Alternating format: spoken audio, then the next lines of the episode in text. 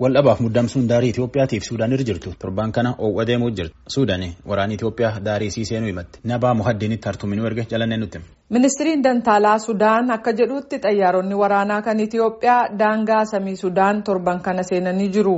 Kunis muddamni naannoo lafa wal falmisiisaa ta'e kan Alfaashaagaa hammeesseera. Kana malees gareen ala bultoota Itoophiyaa kanneen mootummaan deeggaraman yoo xiqqaate sibiilota saddeet ganda waadaa rod fi alliyaa kan naannoo daangaa irratti ajjeesan jedhan.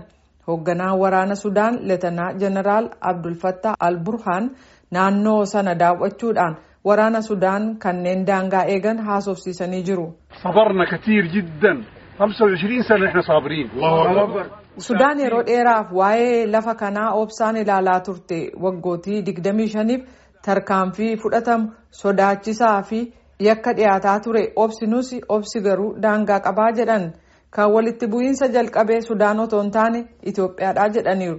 Kunoo amma immoo ijaaf ijatti argamaa jiraa jedhan.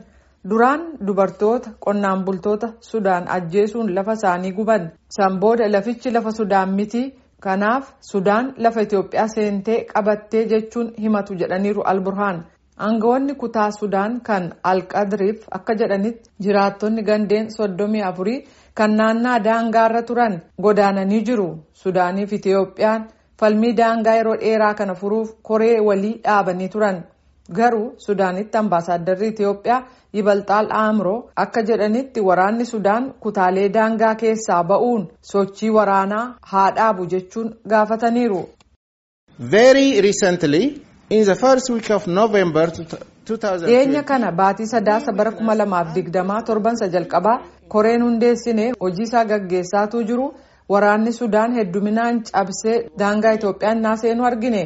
Raayyaan ittisaa kan Itoophiyaa seera eegsisuuf sadaasa afur Tigraay ennaa seenu immoo waraanni Sudaan carraa sanaan gargaaramee daangaa Itoophiyaa gara keessaatti seene. Qabeenya saamee mooraawwan gube lammiiwwan Itoophiyaa kuma hedduus godaansisee jedhu.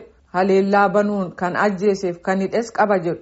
Lammiiwwan Sudaan himata ambaasaadara Itoophiyaa balaaleffachuun waraanni Sudaan caalaatti tarkaanfii akka fudhatu gaafatan. Hayyuu waa'ee duula waraanaa akka ta'an. Sawaarimii Kaaliid akka jedhanitti dhiheenya kana muddamiinsi hammaachuun jiraattota naannoo daangaarraa fi waraana biyyootii lameeniif balaadhaa jedhu. Duula waraanaa fi waamichi dhiyaataa jiru uummataa fi gosoota hedduutti sodaa uumeera keessumaa Itoophiyaa keessatti gosoonni beelli seenaa akka jiru argaa jiru jedhaniiru.